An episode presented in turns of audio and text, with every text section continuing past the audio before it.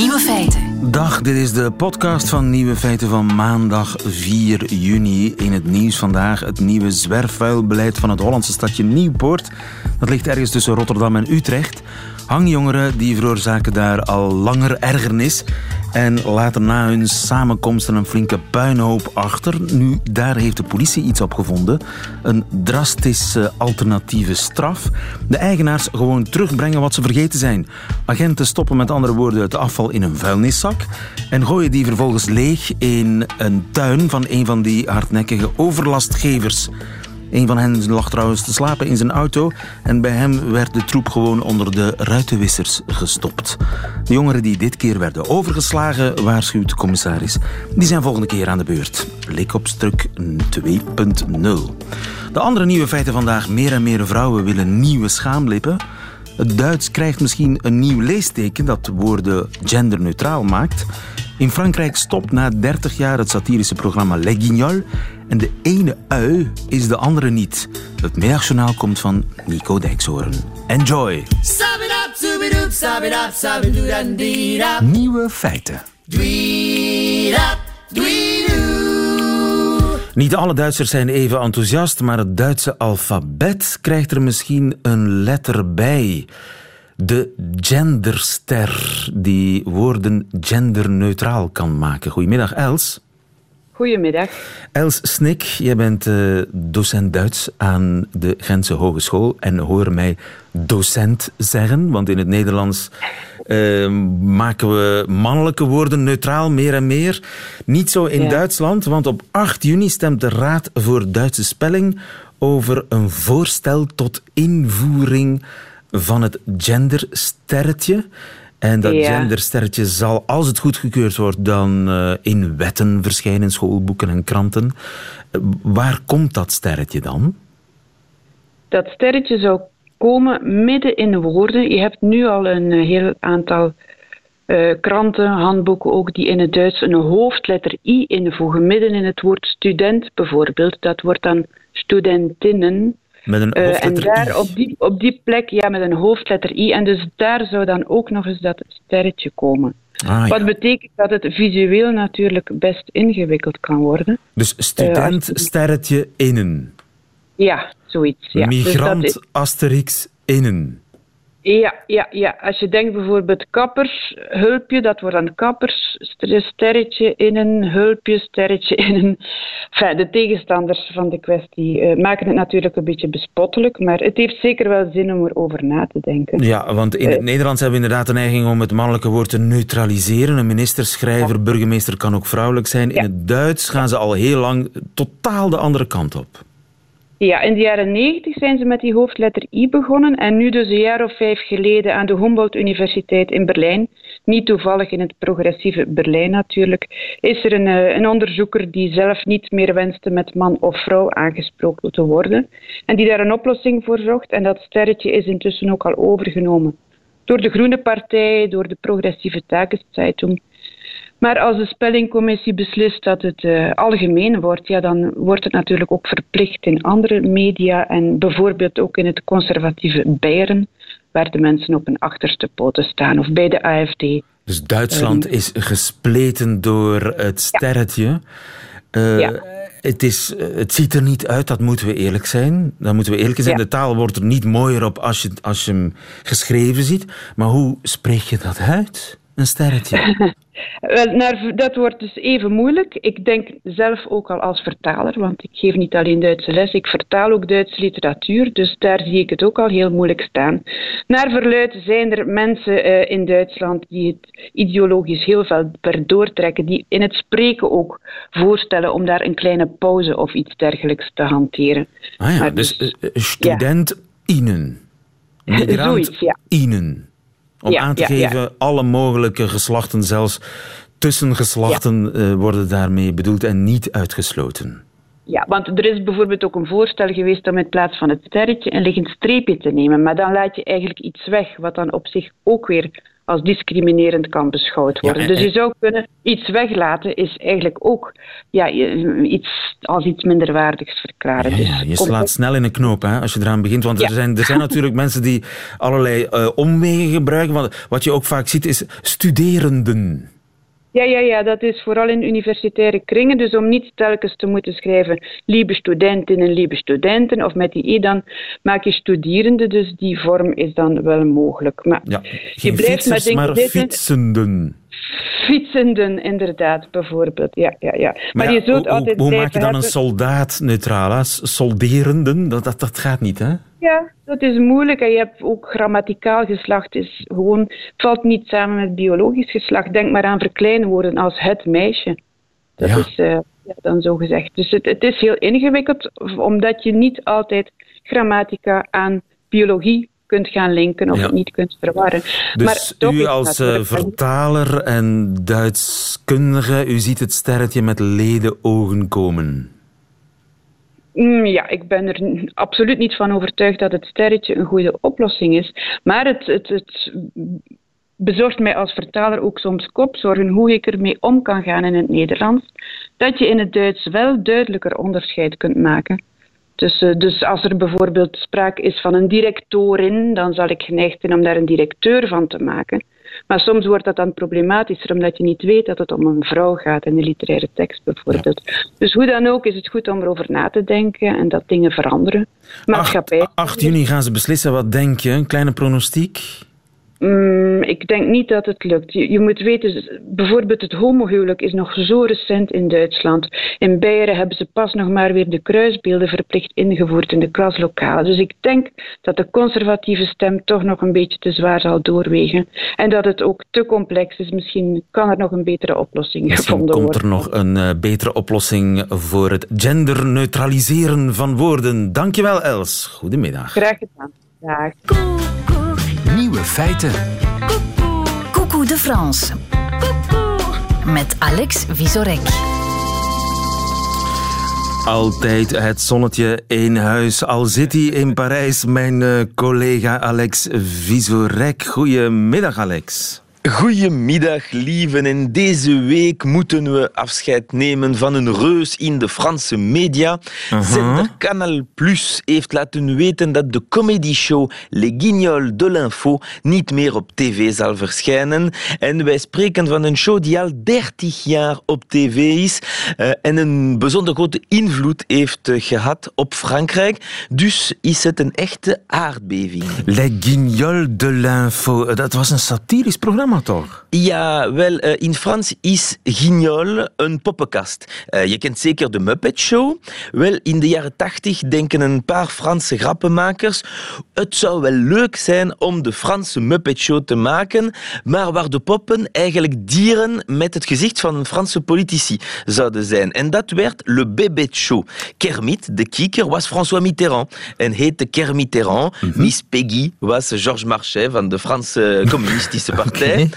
En dat was zo populair dat er een paar jaren later concurrentie kwam. Les Guignols de l'Info, of kort gezegd, Les Guignols, komen op Canal+. Plus. Geen dieren meer, maar hetzelfde principe. Ze maken het nieuws na met latexpoppen en de beste imitators om hun stem te doen. Het was direct een succes. En natuurlijk was het voor een politicus een eer, zelfs een doel, om zijn pop in Les Guignols te hebben. Het was een soort medaille. Het betekende dat je iemand was. Ja, precies. En die poppen maakten dan parodie van alles, Franse politiek, maar ook internationale politiek. Je kent het beroemd liedje We Are the World. We Are the World. Inderdaad, je kent hem goed. het kreeg uh, een nieuwe versie, meer Amerikaanse versie, door de poppen van Sylvester Stallone en George W. Bush. We make our own business just for the USA. We're destroying your planet to, to make money. Your planet. We fuck the world. We fuck the world. We fuck the world. We fuck the children. We swear we destroying your planet. Geweldig. Ja, Franse accent moet er een beetje zijn. Maar er zijn ook Belgen tussen de poppen. Ah, ja? Bijvoorbeeld Stromae, uh, die volgens de Guignol uh, in alle deprimerende omstandigheden kon zingen. Bijvoorbeeld voor een steniging in Afghanistan. Alors on lance. U heeft het Ja, ja de- alles Ja, moet kunnen. Ja, L'Esprit-kanaal heet men dat. Eh, tussen eh, de favoriete poppen van de kijkers eh, was eh, Jacques Chirac. En weet u dat Les Guignols misschien wel verkiezingen heeft beïnvloed? Dat was in 1995. Toen eh, publiceerde kandidaat Jacques Chirac een boek met zijn programma. En op de omslag is er een appelboom. Tijdens een interview moest hij uitleggen waarom. J'aime beaucoup les pommes, je suis un mangeur de pommes. J'aime Ja, beaucoup les pommes, je suis un mangeur de pommes.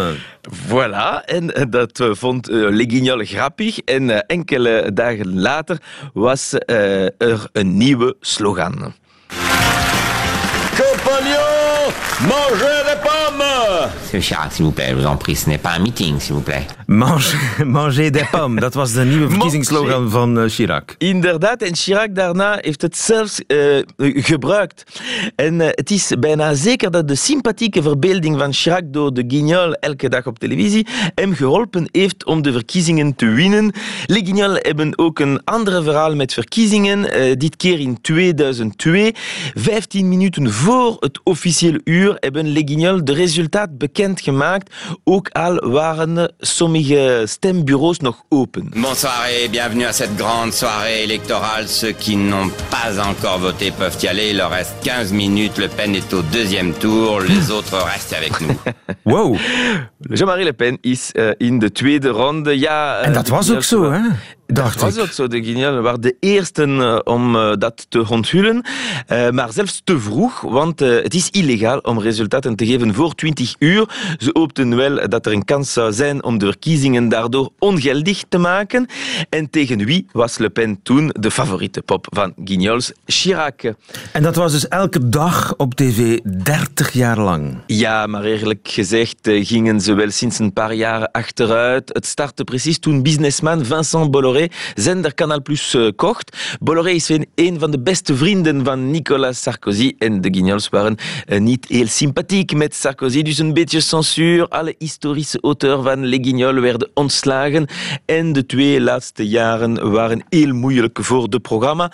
Dus eh, heeft de zender laten weten dat het het einde daar was met een laatste woord van Chirac natuurlijk en een goed gekozen liedje. Ah putain Voilà, c'est fini pour les 30 ans des Guignols. Een roemloos einde van Ja. een legende. Dankjewel Alex Visorek voor deze Bedankt. update vanuit Parijs. Tot volgende week. Tot volgende week. Nieuwe feiten. Is uw vagina al zomerklaar? Ik vraag het maar, want de nieuwe trend schijnt lipcorrectie onderaan te zijn. Goedemiddag, dokter Vermeulen. Goedemiddag. Pieter Vermeulen, chirurg in het Sint-Lucas ziekenhuis in Brugge. Het aantal schaamlipcorrecties is op drie jaar tijd met 45% toegenomen wereldwijd. Merkt u dat ook eh, in uw praktijk? Ja, in mijn praktijk ook, maar dat is natuurlijk wel vertekend omdat ik daar wat een subspecialisatie in heb, waardoor dat mensen wel van eh, over verschillende delen van het land en zelfs daarbuiten soms naar mij komen. Dus ik zie sowieso wel een stijging. Maar inderdaad, zowel de internationale als de Amerikaanse trend is dat, er een, eh, dat het een sterk stijgende ingreep is en dat heel veel vrouwen daar eigenlijk naar vragen. Veel vrouwen vragen ernaar en u kunt ze leveren, want u bent erin gespecialiseerd. Hoe is dat zo gekomen? Wel, dat is, was eigenlijk wat een hiatus. Het is, de, de commotie die er nu bestaat, is deels ook omdat daar nog steeds wat een taboe op rust. En ik begrijp dat omdat dat eigenlijk een deel van het lichaam is dat, dat niet gezien wordt. Ehm, en op het einde van mijn opleiding, nu negen jaar geleden, werd dat nog maar in de marge uitgevoerd. En ik wenste me daar eigenlijk wat in, op toe te leggen om eh, de best mogelijke kwaliteit te bieden. Omdat als je opereert, is het allerbelangrijkste dat je geen schade toebrengt aan je patiënt. Welke ingreep dat ook betreft. Ja, maar En dus het was een beetje een taboe. Het is misschien nog steeds een beetje een taboe, maar meer en meer vrouwen willen nieuwe schaamlippen. Wat is er mis met de oude? Ik denk dat er niks mis is met eh, een schaamlip zoals dat ze er normaal kan uitzien. Het- je moet ook wel nuanceren, het is een zeer sterk stijgende trend, maar bijvoorbeeld er worden nog altijd tien keer meer borstvergrotingen uitgevoerd in België dan er schaamlipcorrecties gebeuren. Maar dus zeker niet wat maakt Ja. dat een vrouw eh, naar schaamlipcorrectie verlangt? Wat wil ze? Bij mij, als de patiënt bij mij komt zitten, dan is hun eerste klacht dat ze daar last van hebben. En ik, dat is wat ze zeggen. En als Last, ik dan bedoel je fysiek Ja, last? Wel, dat zeggen ze niet direct en dan vraag ik daarop door. En dan is dat meestal gecombineerd last bij het sporten, last bij het dragen van kledij, last bij het vrijen. En dan komt helemaal op het einde soms en ik vind ze ook niet mooi. Ehm, maar dat is zeker niet de eerste, de eerste stelling van de mensen die bij mij komen. Ja, ja, dus de eerste vraag is last bij het sporten. Eh, wat zou dan de oorzaak kunnen zijn van die last? Wel, je moet je voorstellen dat die kleine schaamlippen zitten tussen de grote schaamlippen. En natuurlijk, als je ondergoed draagt of je gaat sporten, fietsen of, of fitnessen of zo, dan, ehm, dan kan dat soms wel eens wat wrijving veroorzaken. En dat geeft op zich soms kleine wondjes. Hè. Me- Meisjes klagen daar soms echt van, jonge vrouwen. Ehm, en op termijn, door die wondjes, ontstaat er eigenlijk hypertrofie. Hypertrofie wil eigenlijk zeggen het beginstadium van wat eelt. Die zorgt dat die, dat die lipjes naast te groot ook wat dikker worden. En dat kan soms echt wel vervelend zijn. Dus de binnenste, de kleine schaamlippen, die komen eigenlijk naar buiten piepen. En doordat die constant geprikkeld worden, gaan die ja, vereelten. Ja, dat is een beetje, dat is nu een groot woord, maar ik denk dat de hypertrofie voor een stuk wel ontstaat omdat ze wat groter zijn al ook, ja. En dus daar klagen ze echt wel van de mensen. Ja. En wat doet u dan? Wel, in essentie bestaat dus eerst en vooral heb ik daar een, ehm, een, een heel duidelijk welomlijnd gesprek mee met om na te gaan wat de verwachtingen zijn. En dan leg ik uit wat er mogelijk is. En meestal bestaat de techniek eruit dat je een stukje ervan tussen neemt. Dus wat er vroeger vaak gebeurde was dat die werden afgeknipt. Zo staat dat trouwens ook nog altijd in de terugbetaalde zorg van de Belgische overheid. Knippen. Waarbij een, ja, het afknippen van kleine schaamlippen is terugbetaald door de Belgische overheid. Ehm, en die ingreep die ik doe, die is natuurlijk iets helemaal anders, omdat die lipjes afknippen is natuurlijk het slechtste wat je kan doen, want dan heb je geen controle over de, waar dat die littekens naartoe gaan. Meestal verdwijnen die lipjes dan gewoon, dat is helemaal niet de bedoeling. Dus wat je moet doen is een klein wigje daaruit wegnemen, afhankelijk, de grootte daarvan, afhankelijk van het overschot aan schaamlipjes die je hebt. En dan wordt dat met een heel fijn draadje terug dichtgenaaid. En dat is allemaal belangrijk. Ik ben daarvan zo blij dat ik die, die subspecialisatie toch ben gaan bekijken op verschillende plaatsen, omdat het er allemaal toe doet. Omdat je op internet lees je vaak van het is mislukt en het doet nu meer pijn dan voordien en de genezing verliep zo slecht. Maar als je die techniek minutieus volgt en je bent daar heel voorzichtig in, dan geneest dat eigenlijk echt heel goed. Ja, ja. En eh, het, het resultaat is een gesloten portemonnee. Om het niet eh, altijd. met een ja, beeld niet altijd. Oh ja. Nee, niet altijd. Soms wel. Maar dus je begint natuurlijk vanuit een... een de, de patiënt komt bij jou en zegt, kijk, dit, dit is hoe dat eruit ziet. Dit, dan vraag ik van, wat stoort u? Soms zijn ze ongelijk. Soms zijn ze wat te lang, soms zijn ze te breed, soms zijn ze te dik. En dan kan ik daar iets aan doen. Maar ik kan niet... Ik heb al verschillende mensen gehad die mij zeiden van, ik wil dat alles daar weggehaald wordt. Ja, dan weet je, dit, dit is niet goed, hè. Daar mag je niet aan beginnen. Want dat, zou eventueel, eh, wat ook eh, hier en daar gezegd wordt, genitale verminking zijn. Ik ben, zo, blij, ik ben zo blij dat ik eens mag bellen met een, eh, iemand waarmee ik een radioverleden heb. Dag Goedele Liekens. Goedemiddag. Dag Goedele, helemaal in Spanje en bereid om aan de telefoon te komen. Waarvoor dank. Eh Goedele, meer en meer vrouwen willen schaamlippen, nieuwe schaamlippen. Verbaast jou dat? Nee, dat verbaast ons niet. Nu, ik heb in eerste instantie een probleem met het woord schaamlipcorrectie, want daar valt gewoon niks te corrigeren.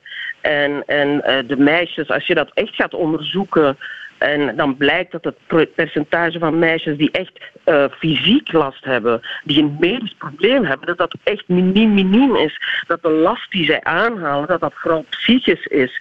Eh, eh, dus dat het niks met comfort of zo te maken heeft, maar puur psychisch met het schoonheidsideaal. En dat het schoonheidsideaal dus nu ook al ons kruis heeft bereikt. En, en iedereen moet doen wat hij wil. En als je daar last van hebt, ja, ik bedoel, ik, wie ben ik om te zeggen dat het niet mag? Maar ik denk dat we als maatschappij toch eens even moeten stilstaan bij, bij het idee waar zijn we mee bezig. Hè? Want weet je wat het probleem een beetje is? Je hebt geen voorbeelden van hoe normale vagina's eruit zien. We, we kijken niet zo gemakkelijk tussen elkaars benen. Hè? Dus En is dat een verschil, is dat een verschil met mannen die, die zien onder de douche na het voetballen, Ja, bijvoorbeeld, ja. z- zien die hoe het eruit ziet bij hun companen? Bij vrouwen is dat. Dus- anders. Bij vrouwen is dat anders. Eh, dat gebeurt zelden dat je andere vagina's ziet. En dan heb je natuurlijk de enige die je ziet, dat is in, in de porno eh, beelden. En daar zijn het veel geopereerde. En vroeger was dat um, vagina's. Dus ze denken dat dat het enige is wat normaal is. Wat, wat, wat, eh, en terwijl bij 50%, laten we daar niet flauw over doen, bij ruim 50% van de meisjes zijn die binnenste schaamlippen langer groter, flubberiger dan de buitenste. En het is belangrijk dat we dat allemaal weten en dat we daar ook rekening mee houden en dat we eigenlijk informatie verschaffen aan, aan jonge meisjes zodat we veel paniek kunnen voorkomen in een periode waarin die meisjes toch al zo onzeker zijn, waarin ze twijfelen aan hun lichaam en, en hun seksuele zelfvertrouwen wordt aangetast. Ja, en dat ik ga even terug, terug, naar, terug naar de dokter. De dokter, de helft van de vrouwen is in dat geval. Ja, wel, die, die, statistiek ken ik natuurlijk niet, want dan zou je een bevolkingsonderzoek moeten doen. Ehm, maar het is inderdaad zo, dat daar, daar zit een, is een, een dus dat is een verspreiding rond een normaal, en er is ergens een normaal. En bij sommigen zijn ze kleiner dan normaal, en bij anderen zijn ze nog groter dan normaal. En de vraag is waar je als maatschappij vindt dat je mag ingrijpen. Mag ik, een, mag ik een, voorbeeld geven? Flapwoordjes bij kinderen van 5, 6 jaar. Hè. Die worden, daar is iedereen het over eens van, die moeten geopereerd worden. Hè. Want dat kind is 6 jaar, dat gaat gepest worden op school. Dat staat natuurlijk ook op zijn hoofd. Dus doen we daar een, een flapwoordcorrectie bij. Maar je moet je voorstellen, je doet dat bij kinderen van 6 jaar. Die hebben daar helemaal geen zicht op wat dat gaat betekenen. Dat doet pijn. En weet je wat dan nog de grap is op het einde van het verhaal? Dat is dat ze eigenlijk wat functieverlies hebben. Want als je die oortjes dichter tegen het hoofd zet, dan horen die een aantal decibels minder. Maar blijkbaar is dat heel aanvaard. Ik wil absoluut niet zeggen van dat dat met de labiaplastie is en de schaamlipverkleining nog iets helemaal anders dan vaginachirurgie natuurlijk, dat dat daar naartoe moet gaan. Maar de maatschappij mag daar inderdaad zeker en vast een debat over voeren. En ik toon ook altijd aan mijn patiënten dat er verschillende websites bestaan, blogs van geëngageerde vrouwen, die willen aantonen van je bent niet abnormaal. Het is ook zo. Niemand is abnormaal, maar het kan wel zijn dat je er last van hebt, zoals Goedel ook zegt. Als er mensen zijn die er fysiek last van hebben, dan, dan mag er een mogelijkheid zijn om daar iets aan te doen natuurlijk. Hè. Ja, Goedele, eh, wat is het verschil tussen uh, een kind opereren met uitstaande oortjes? Ja, maar ik ben blij dat de dokter eindelijk toegeeft dat het niet om fysieke redenen gaat, maar, maar om esthetische. Dat het een cosmetische operatie is. Want nogmaals, meisjes die last hebben van sporten, van fietsen, van fitnessen, uh, uh, door die grotere binnenste schaamlippen, dat percentage is zo, zo gering.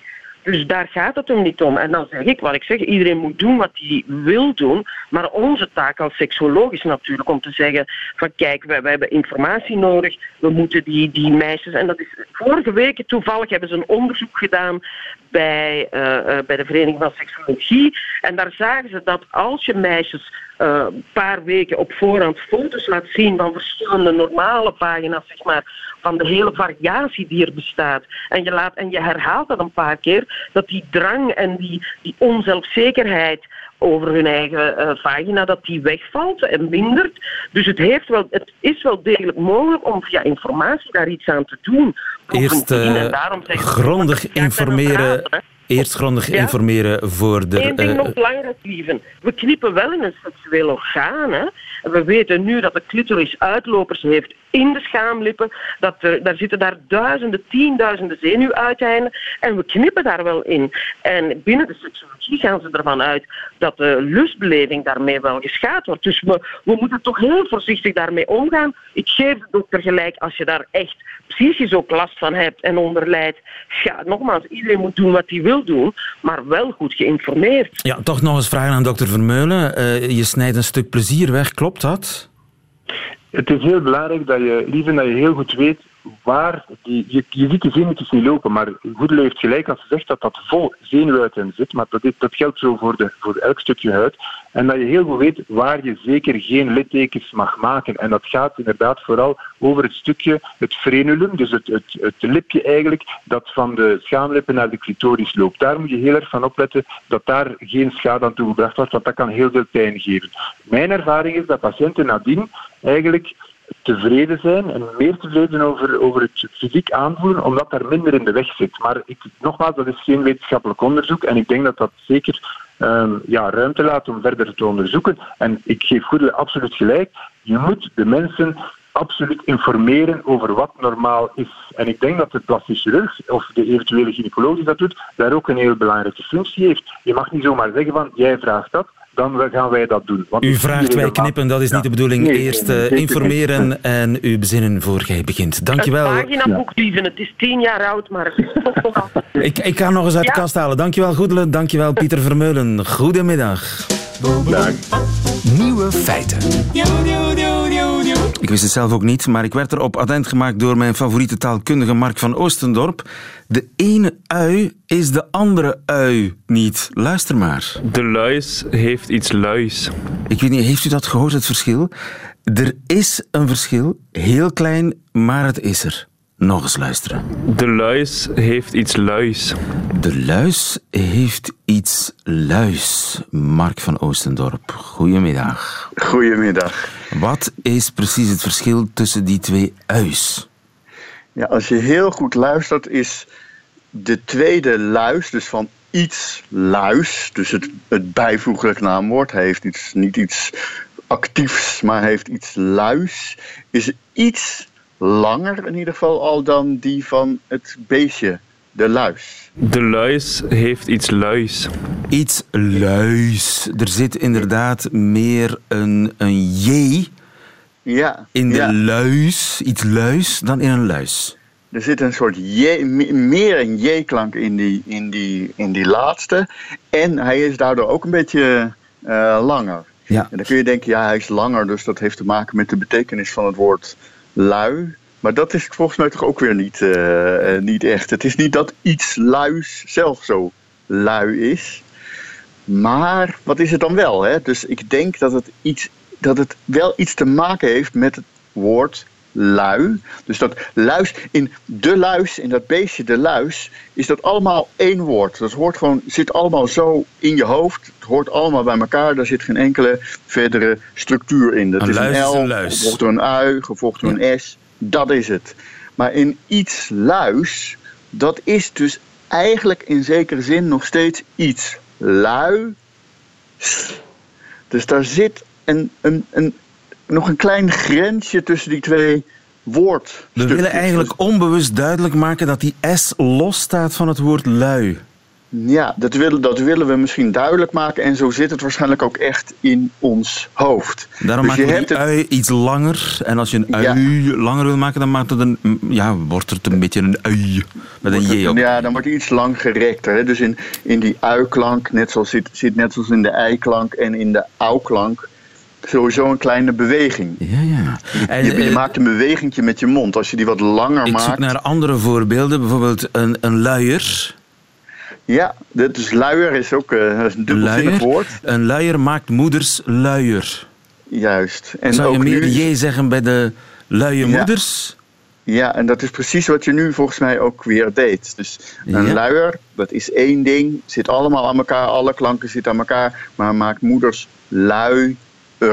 En daardoor wordt het net een heel, klein beetje langer. Het is een heel klein effectje. Het was mezelf eerlijk gezegd eigenlijk ook nog eh, niet opgevallen. Je bent daar 40, 50 jaar mee bezig met de taal en dan opeens valt je zoiets op. Maar hoe ben je erachter gekomen? beetje- Heb je het zelf ontdekt? Ik heb hierover een tip gekregen van, van een heel eh, eminente collega. Dat is Jaap Spa. Die was lang, lang geleden eh, in Nijmegen, waar ik nu hoogleraar ben, eh, hoogleraar Frans. Iemand met een ontzettend goed oor.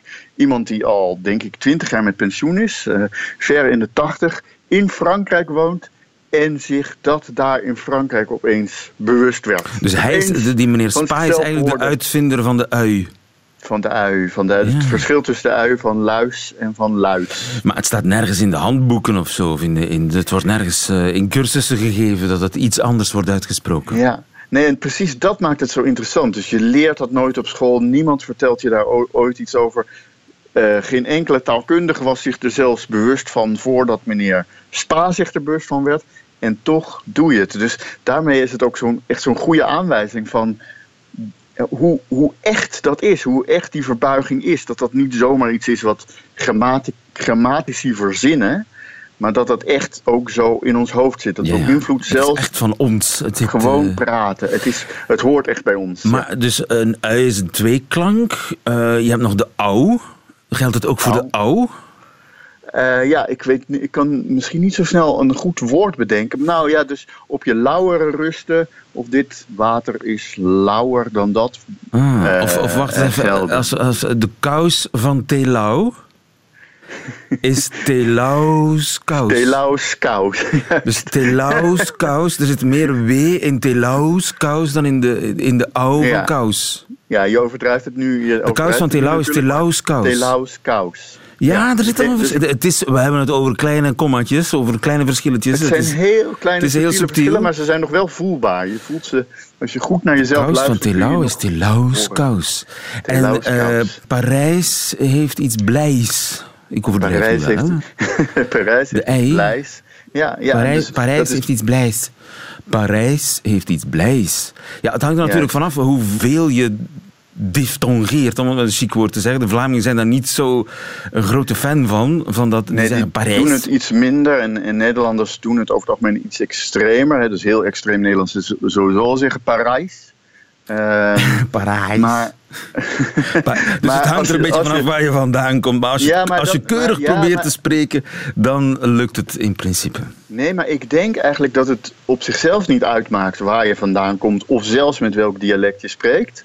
Alleen, dus het, het, want het is, dat subtiele verschilletje blijft bestaan. Dus je, je diftongeert sowieso iets meer of iets minder.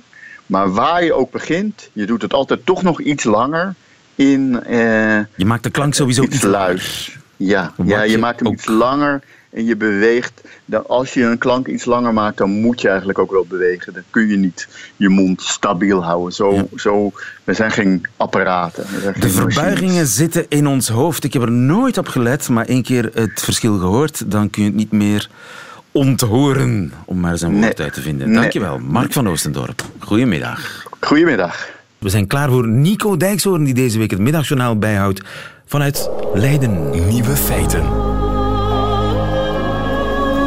Middagjournaal. Beste luisteraars, vindt u het ook zo spannend? Ik wel. Ik kan er bijna niet van slapen. Ik loop steeds maar door het huis te draaien en ik kom tot niets. Dan zeggen ze dat het weer wel doorgaat. En dan opeens gaat het weer niet door. Maar de laatste berichten zijn dus dat het wel doorgaat. Dat was drie minuten geleden en nu ben ik weer zo bang dat het over een uur opeens niet meer doorgaat. Ik heb het over de ontmoeting tussen president Trump en Kim Jong-un van Noord-Korea. Ja, ze gaan elkaar ontmoeten. Fijn hè? Fijn hè, luisteraars? Er is allemaal ellende op de wereld. De mensen slachten elkaar af op straat. Vandaag wordt er een Iranees geëxecuteerd die zonder proces is veroordeeld. In Amerika neemt op dit moment een jongen van 17 jaar een filmpje op waarin hij aankondigt dat hij over twee dagen minimaal 40 mensen gaat neermaaien in een school met een automatisch wapen. Maar wat kan mij het allemaal verrotten? Alles komt goed, want Trump en Kim Jong-un gaan met elkaar praten. Luisteraars, mag ik eerlijk zijn? Mag ik mijn gezonde volksgevoel even laten spreken? Het interesseert mij werkelijk geen ene reet. Die hele ontmoeting tussen Trump en Kim Jong-un. Al gaan ze samen zitten bloemschikken. Het zal mij jeuken. 0,0 kan het mij boeien wat die verkeerd geroosterde bospeen met zijn op het hoofd geplakte pluk uitgepist hooi allemaal gaat overleggen met een Noord-Koreaan die ooit 286 is geworden bij een Mao Zedong lookalike verkiezing. Ik zag deze week het eerste deel van een documentaire over een jaar op de redactie bij de New York Times. En ik zag de grote vredestichter Trump zijn kiezers ophitsen. Hij wees naar de journalisten in de zaal en hij riep steeds maar weer: Zij zijn de vijand. Daar staan ze, zij zijn de vijand, zij zijn het kwaad. Trump en Kim Jong-un, let u maar op, die gaan het heel gezellig hebben met elkaar. Vrije pers, die scheld je uit, maar als het zo uitkomt, dan gebruik je ze. Om bijvoorbeeld een foto te laten maken als je de hand schudt van een collega-psychopaat. Geen enkele fotograaf sturen. Dat zou zo mooi zijn.